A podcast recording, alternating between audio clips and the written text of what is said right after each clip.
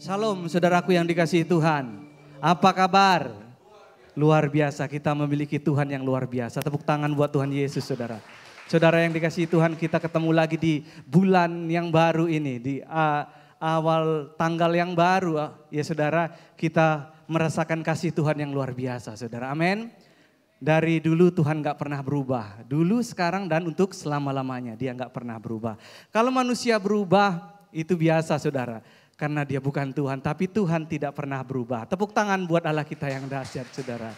Nah saya percaya ketika saudara datang ke tempat ini, saudara pasti rindu untuk memuji dan memuliakan Tuhan dan mendengarkan kebenaran firman Tuhan. Amin, saudaraku. Di dalam kitab Mazmur 119 ayat 105, firman Tuhan mencatat, firmanmu adalah pelita bagi kakiku dan terang bagi jalanku. Nah saat ini saudara yang dikasih Tuhan, tema yang saya ingin sampaikan adalah belajar dari seorang atlet. Nah saudara yang dikasih Tuhan ada enggak atlet? Uh, saya mau bertanya buat saudara, ada enggak di antara bapak ibu uh, saudara-saudara yang di tempat ini ya seorang atlet? Ada ya, boleh angkat tangan, jangan diturunkan dulu tangannya. Ada seorang atlet, tadi ada sepertinya, ada ya, ada seorang atlet di sini ya bapak ibu saudara yang dikasih Tuhan. Nah saudara menjadi seorang atlet itu enggak mudah saudara. Ada harga yang harus dibayar. Kita melihat cara kehidupan atlet itu, saudara. Kalau saya melihat dia disiplin ya saudara, dan kemudian konsisten ya saudara, tepat waktu, nggak cengeng, mental juara ya saudara, harus dipersiapkan dengan baik begitu ya saudara. Nah saudara yang dikasih Tuhan, kita akan segera membuka ayatnya, kita akan belajar kita buka ayatnya di dalam 1 Korintus 9 ayat 25 sampai ke-27. 1 Korintus 25 1 Korintus 9 ayat 25 sampai ke 27. Nah saya akan bacakan tiap-tiap orang yang turut mengambil bagian dalam pertandingan menguasai dirinya dalam segala segala hal. Mereka berbuat demikian untuk memperoleh suatu mahkota yang panah. Tetapi kita untuk memperoleh suatu mahkota yang abadi. Ayat yang ke-26. Sebab itu aku tidak berlari tanpa tujuan dan aku bukan petinju yang sembarangan saja memukul. Ayat yang ke-27.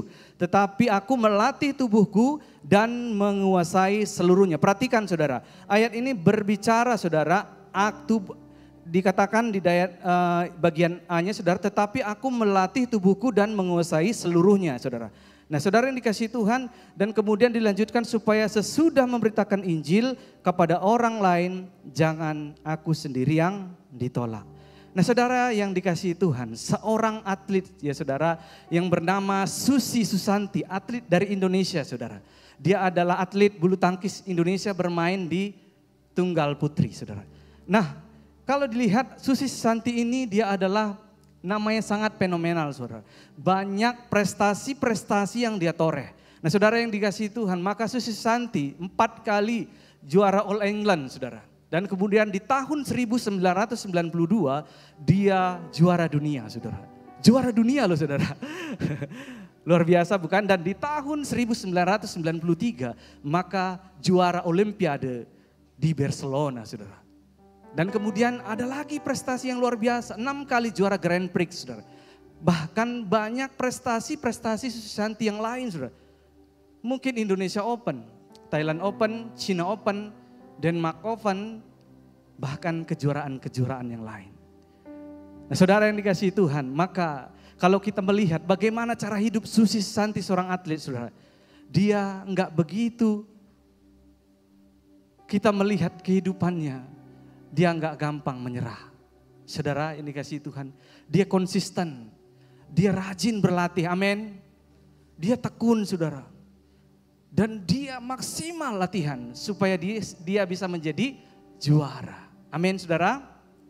Nah kata firman Tuhan begini saudara, Rasul Paulus mengatakan kita ini diibaratkan bertanding dalam pertandingan, gelagang pertandingan saudara. Seorang atlet, ini kalau dia bertanding pasti mempersiapkan dulu, saudara. Dia melatih tubuhnya semua. Makan makanan yang sehat, tidur-tidur dengan teratur, saudara. Bahkan pola latihannya juga itu teratur. Semua sudah diatur. Amin, saudara. Nah, saudara yang dikasih Tuhan, seorang pelari, Ya, Muhammad Zohri dari Indonesia juga saudara. Sempat menjuarai kejuaraan dunia. Pelari 100 meter saudara. Cepat luar biasa saudara. Jadi dia menempuh 100 meter itu hanya 10,26 detik. Wow luar biasa ya saudara. Di sini ada ya saudara. Sanggup memecahkan rekor. ada ya saudara. Amin ya saudara. Walaupun nggak ada nggak apa-apa saudara. Kita bukan seorang atlet ya saudara. Nah saudara yang dikasih Tuhan. Maka kalau kita melihat Sebelum mereka bertanding saudara, dia mempersiapkan diri mereka dulu saudara. Mentalnya saudara, dipersiapkan dengan sungguh-sungguh. Amin saudara. Seorang pelari ya, ketika dia berlari saudara yang dikasihi Tuhan. Waktu dia berlari, seorang pelari itu tidak melihat sibuk melihat ke kiri atau ke kanan. Tidak saudara. Dan kemudian seorang pelari juga harus hati-hati. Ketika waktu dia mau berlari, saudara yang dikasih Tuhan. Seorang pelari ketika dia mencuri start begini saudara duluan mencuri start, dia akan kena didiskualifikasi. Saudara yang dikasih Tuhan. Ada peraturannya saudara, nggak sembarangan. Dan dipersiapkan sebaik mungkin. Nah ini mereka kata Rasul Paulus, semua yang didapat itu hanya untuk mahkota yang fana saudara. Medali dapat, uang dapat, tapi hanya sebatas di dunia ini saja sifatnya panah, saudara yang dikasih Tuhan. Maka Rasul Paulus mensetkan, saudara yang dikasih Tuhan, ketika kita bertanding dalam pertandingan iman yang benar, kita juga ada rambu-rambunya saudara. Saudara tahu rambu-rambu yang dipasang mungkin di simpang 4 atau di mana gitu ya saudara, ada rambu-rambunya. Lampu hijau itu harus ditaati. Lampu hijau tandanya apa saudara? maju ya. Iya kan? Lampu merah berhenti. Taat ya saudara. Kalau lampu kuning, saya mau tanya, taat enggak? Taat enggak semua mengikuti? Taat. Wow, tepuk tangan buat Tuhan Yesus. Tepuk tangan, haleluya. Orang yang pelaku firman semua di sini ya, orang-orang yang dikasih Tuhan. Haleluya, luar biasa saudara. Nah saudara yang dikasih Tuhan, ketika lampu daripada lampu merah dilanggar, maka apa konsekuensinya saudara? Ketika ada polisi maka kita bisa di, ditilang. Ya saudara, ada sanksinya saudara. Begitu juga kita yang masuk dalam pertandingan iman, kita nggak boleh hidup sembarangan. Amin saudara. Nah di dalam tubuh ini saudara, ada bagian-bagian yang harus kita perhatikan dan kita kuasai saudara. Yang pertama mata saudara. Mata harus kita kuasai. Maka di dalam firman Tuhan, di dalam Injil Matius 6 ayat 22, Alkitab mencatat mata adalah pelita tubuh. Jika matamu jahat, eh sorry saudara, Matius 6 ayat 22, maka firman Tuhan mencatat mata adalah pelita tubuh. Jika matamu baik, maka teranglah seluruh tubuhmu. Dilanjutkan dengan ayat berikutnya di Matius 6 ayat 23 bagian A, jika matamu jahat maka gelaplah seluruh tubuhmu saudara. Jadi kita diajarkan Tuhan Yesus untuk memandang yang baik. Untuk melihat yang baik. Amin. Tepuk tangan buat Tuhan Yesus saudara. Jadi belajar untuk melihat yang baik saudara. Dan kemudian apa saudara yang dikasih Tuhan? Kita diberi Tuhan, dikaruniakan Tuhan dua telinga. Amin. Dua telinga untuk banyak mendengar. Ya saudaraku yang dikasih Tuhan, maka di dalam Roma 10 ayat 17 firman Tuhan mencatat apa saudara ada yang tahu ayatnya? Di luar kepala saudara, saya percaya semua banyak penghafal firman di tempat ini saudara, hafal firman. Ada saudaraku? Roma 10 ayat 17, iman timbul dari pendengaran. Pendengaran akan firman Kristus saudara. Nah ketika kita banyak mendengar firman Tuhan, saya percaya saudara, segala masalah, kekhawatiran, pergumulan yang ada, maka saya percaya ketika kita mendengar firman Tuhan, kita akan dikuatkan. Amin. Tuhan suruh jalannya yang ini yang benar loh, yang ini salah. Amin saudaraku. Ikut yang ini, sini benar, yang ini salah. Jangan terlalu banyak mendengar tentang berita di dunia ini saudara. Yang mungkin menakutkan tentang perang. Mungkin itu tahun kegelapan akan terjadi di seluruh dunia. Tapi dengar firman Tuhan, saudara akan mendapat sukacita. Tepuk tangan buat Tuhan Yesus. Saudara. Cukup seperti garam saudara nggak usah terlalu banyak dengar. Jadi kalau orang gosip hindari saudara. Nggak usah deket-deket. Amin saudara. Gosip itu makin digosok makin sip. Dengar saudara. Kalau bergosip saudara, oh ya itu begini, itu begini. Menghakimi jadinya saudara. Amin. Ya, tapi di sini nggak ada yang menghakimi. Anak-anak Tuhan semua luar biasa. Amin. Tepuk tangan buat Tuhan Yesus saudara. Nah, saudara yang dikasihi Tuhan, maka jangan terlalu banyak dengar hal-hal yang menakutkan. Ya saudara, dengar firman Tuhan. Nah firman Tuhan itu saudara akan membawa saudara akan menjadi naik lagi imannya. Amin. Ibarat daripada tumbuhan, tumbuhan mangga. Saudara yang dikasih Tuhan, kalau kita menanam pohon mangga maka ada benihnya dulu. Amin. Ya ada prosesnya dulu. Kita tanam benih saudara di dalam tanah ya saudara. Dan kemudian dia akan berakar dulu ya. Berakar dulu baru menjadi batang ya. Bercabang, ada daunnya dan menghasilkan buah saudara. Begitu juga iman kita saudara. Kalau kita sering mendengarkan kebenaran firman Tuhan. Maka iman kita akan semakin naik di bawah Tuhan. Nah, naik saudara. Amin. Ada semua yang di tempat ini pingin imannya semakin naik? Haleluya, tepuk tangan buat Tuhan Yesus saudara. Nah kemudian apa lagi saudara yang perlu kita perhatikan dan harus kita memang menguasainya saudara. Ya mulut saudara. Seringkali orang saudara kalau sudah marah, uh luar biasa saudara. Apa yang ada dalam hati keluar semua saudara. Ngamuk, marah saudara. Jadi kalau udah marah mungkin nggak terkontrol saudara.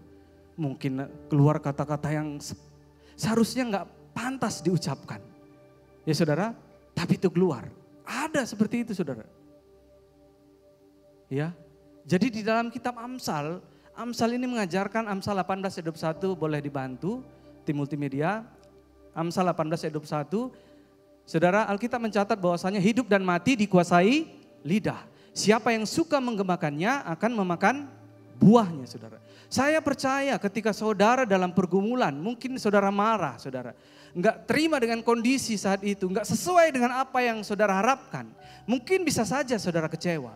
Tapi ayat firman Tuhan ini mengajarkan kita apa saudara hidup dan mati dikuasai lidah. Siapa yang suka menggemakannya akan memakan buahnya.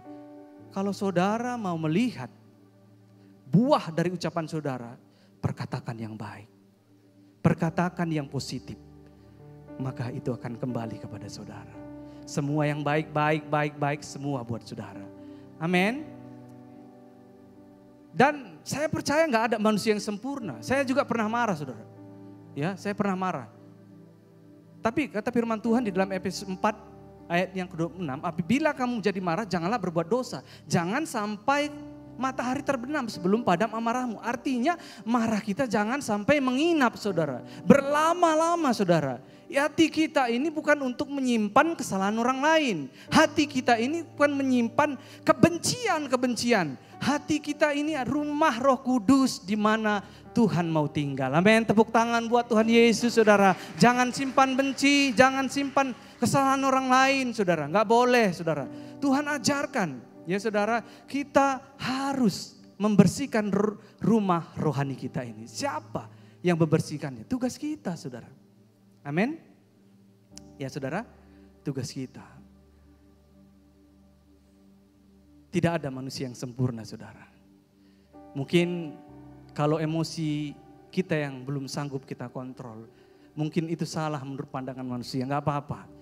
Saudara boleh buka di dalam Injil Yohanes 1 ayat 9. Ya, firman Tuhan ini mengajarkan buat kita begini saudara. Jika kita mengaku dosa kita, maka dia adalah setia dan adil. Selanjutnya saudara, sehingga ia akan mengampuni segala dosa kita dan menyucikan kita dari segala kejahatan. Gak ada manusia sempurna saudara. Pernah salah, saya pernah salah. Cuman ketika saya salah, saya akui saudara di hadapan Tuhan. Dan ketika saya salah juga Istri saya ada di sini, saudara. Ketika saya salah, saya minta maaf. Ya saudara, firman Tuhan bilang gini, keterbukaan adalah awal dari segala pemulihan. Tuhan tahu hati kita saudara. mungkin kita sedang kesel, mungkin khawatir, takut gimana Tuhan. Enggak tahu apa yang terjadi, kondisinya kok belum membaik. Tapi Tuhan bilang, Tuhan janji saudara. Ya, di dalam Roma 4 ayat 21 Tuhan bilang begini, dengan penuh keyakinan bahwa Allah berkuasa untuk melaksanakan apa yang telah ia janjikan. Kalau Tuhan sudah berjanji, pasti dia genapi saudara. Enggak ada, kalau Tuhan dah janji enggak ada janji yang enggak digenapi. Hanya saja mungkin kita ini suka yang instan saudara. Amin. Pingin cepet-cepet Tuhan. Ya, tapi Tuhan bilang sabar. Nah kesabaran adalah salah satu daripada buah roh saudara. Di dalam Galatia 5 ayat 22 sampai 23. Alkitab mencatat buah roh ialah kasih, sukacita, damai sejahtera, kesabaran, kemurahan, kesetiaan, kelemah lembutan. Dan apa? Penguasaan diri, kuasai diri kita saudara. Kalau lagi marah, lebih baik diam kata Daud. Berkata-katalah di tempat tidurmu. Jangan lampiaskan semua ucapan kita. Bisa salah saudara. Orang yang mengambil keputusan ketika dia marah, kebanyakan itu eh, perbuatan itu salah. Tindakannya itu enggak benar. Amin saudara. Maka kita, ketika kita datang ke tempat ini, apa yang kita dapat ketika kita menyembah Tuhan? Damai saudara. Amin. Damai nggak bisa dibeli dengan uang, saudara. Amin. Nggak bisa, saudara. Damai hanya bisa datang ketika kita menyembah Tuhan. Tepuk tangan buat Allah kita yang luar biasa. Saudara yang dikasih Tuhan, kalau kita belajar kembali, ya bagaimana cara hidup daripada Abraham, saudara. Bapak orang percaya. Bahkan Alkitab mencatat, saudara, Abraham, dari Abraham segala bangsa akan mendapat berkat. Keturunan Abraham, Ishak saudara. Nah anak perjanjian, ya saudara yang dikasihi Tuhan. Bagaimana Abraham diuji waktu itu saudara. Ketika dia menantikan Ishak lahir di dalam ke tengah-tengah keluarga mereka saudara. Prosesnya panjang, penantiannya panjang. Yang diuji apa? Kesabaran Abraham, hati Abraham. Karena Tuhan melihat hati. Amin. Nah saudara waktu itu apa yang terjadi? Alkitab mencatat waktu Abraham meminta anak, dia bilang kepada Tuhan, Tuhan apakah Eliezer ini yang akan menjadi pewarisku? Tuhan bilang enggak, karena Abraham itu melihat kondisi situasi. Sering kali kita melihat situasi dan kondisi kita. Tuhan enggak mungkin ini berubah. Tuhan ini enggak mungkin anakku bandel, anakku nakal enggak mungkin berubah. Jangan saudara, percaya saja. Modal Abraham percaya dan lakukan firman Tuhan. Waktu penantian itu saudara, memang panjang saudara. Waktu Tuhan menggenapi janjinya Abraham sempat putus asa. Tapi Alkitab mencatat, ya di usia 100 tahun lahirlah Ishak di tengah-tengah keluarga mereka. Sarah yang mandul saudara, secara logika nggak mungkin memiliki anak. Tapi sekali lagi di dalam Injil Lukas 1 ayat 37. Bagi Allah tidak ada yang mustahil. Tepuk tangan buat Allah kita yang luar biasa saudara. Alkitab jelas mencatat saudara. Sarah mandul. Abraham sudah lanjut usianya. Dan dia sempat bertanya kepada Tuhan. Tuhan siapa yang nanti mewariskan kepemilikanku apa yang aku miliki? Eliezer. Kata Tuhan bukan anakmu. Abraham sempat bingung, putus asa saudara. Hampir menyerah. Saudara yang dikasih Tuhan, akhirnya Tuhan menjawab doa Abraham. Ada berapa saudara, berapa banyak saudara tempat ini yang rindu doanya dijawab Tuhan. Tepuk tangan, angkat tangan saudara. Semua mau ya saudara, percaya saudara. Waktu kita bukan waktunya Tuhan. Nggak bisa waktu kita sama waktu Tuhan itu berjalan. Nggak bisa saudara. Nah Abraham akhirnya memiliki anak di usia 100 tahun. Dan kemudian Sarah 90 tahun. Diuji lagi saudara ketika Abraham ini memiliki Ishak persembahkan anakmu kata Tuhan kepada Abraham. Abraham ini tanpa protes, tanpa tanda tanya dan dia, dia membawa anaknya Ishak ke bukit Moria waktu itu saudara. Bawanyalah kayu dan pisau saudara untuk mempersembahkan anaknya. Tapi Tuhan hanya melihat hati saudara, melihat hati Abraham. Abraham taat dan akhirnya dia bawa anaknya ke bukit Moria. Saudara. Dipersembahkannya saudara kepada Tuhan. Wow ini luar biasa saudara. Iman yang dahsyat luar biasa. Saudara yang dikasih Tuhan, waktu Abraham datang ke Bukit Moria membawa anaknya, maka ada malaikat Tuhan. Alkitab mencatat, malaikat Tuhan waktu itu melihat hati Abraham. Akhirnya bukan anaknya yang dipersembahkan, tetapi apa? Domba yang tersangkut di situ. Abraham, aku sudah tahu hatimu, engkau mengasihi Tuhan. Di dalam Injil Matius 22 ayat yang 37. Kasihilah Tuhan Allahmu dengan segenap hatimu Abraham mengasihi Tuhan dengan segenap hatinya.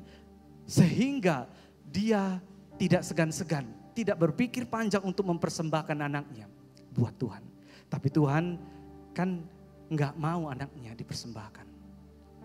Yang dipersembahkan akhirnya kambing domba. Saudara sering kali kita diperhadapkan di dalam masalah-masalah Seringkali kita jengkel mungkin atas perlakuan orang lain. Membuat kita marah. Besi menajamkan besi, orang menajamkan sesamanya. Tuhan uji hati kita saudara. Mungkin di dalam hal-hal yang tidak menyenangkan saudara.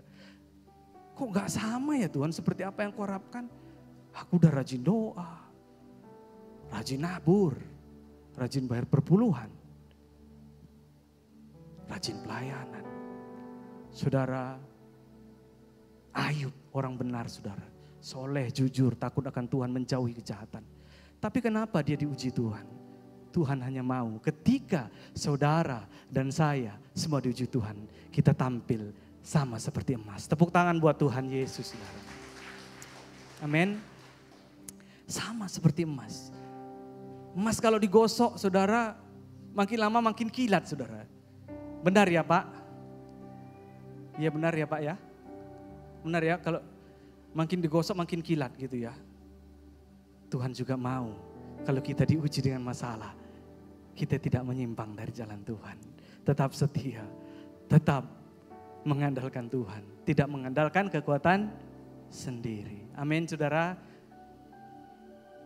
Yang berikutnya hati-hati saudara. Ini juga harus kita kuasai di dalam tubuh kita, hati. Hati nggak terlihat saudara. Siapa yang bisa melihat hati? Nggak bisa. Hanya Tuhan yang bisa melihat hati seseorang. Ya, oleh karena itu jaga hati kita. Amsal 4 ayat 23 berkata, jagalah hatimu dengan segala kewaspadaan. Karena dari situlah apa terpancar kehidupan. Kalau hati saudara lagi senang, saya percaya yang keluar itu saudara, kelihatan dari wajahnya. Ya saudara, wow di tempat ini jemaat-jemaat Tuhan jemaat Sariwangi. Wow, wajahnya cerah-cerah. Tepuk tangan buat Allah kita yang dahsyat saudara. Lagi juga kita semua. Amin. Jaga hati kita saudara. Ini sangat penting. Mungkin kalau kita pun dilukai oleh orang lain, cepat-cepatlah maafkan. Damai saudara. Orang yang bisa berdamai dengan dirinya sendiri, saya percaya akan mudah berdamai dengan orang lain. Mana ada manusia yang gak ada masalahnya. Nanti kalau kita sudah nggak ada masalah, kita sudah almarhum nih saudara. Di bawah tanah. Itu nggak ada masalah lagi. Tapi kalau kita masih hidup di dalam dunia ini, Tuhan izinkan saudara. Supaya apa? Tuhan mau melihat iman saudara naik, naik dan terus naik saudara. Itu saudara. Jangan dengan masalah iman kita semakin turun. Tapi biarlah dengan ada masalah iman kita semakin ditambah-tambahkan oleh Tuhan, saudara. Amin. Jaga hati, saudara. Ya. Buang iri hati. Buang dengki. Ya. Itu datangnya dari iblis, saudara. Iblis itu sering kali menjadi provokator.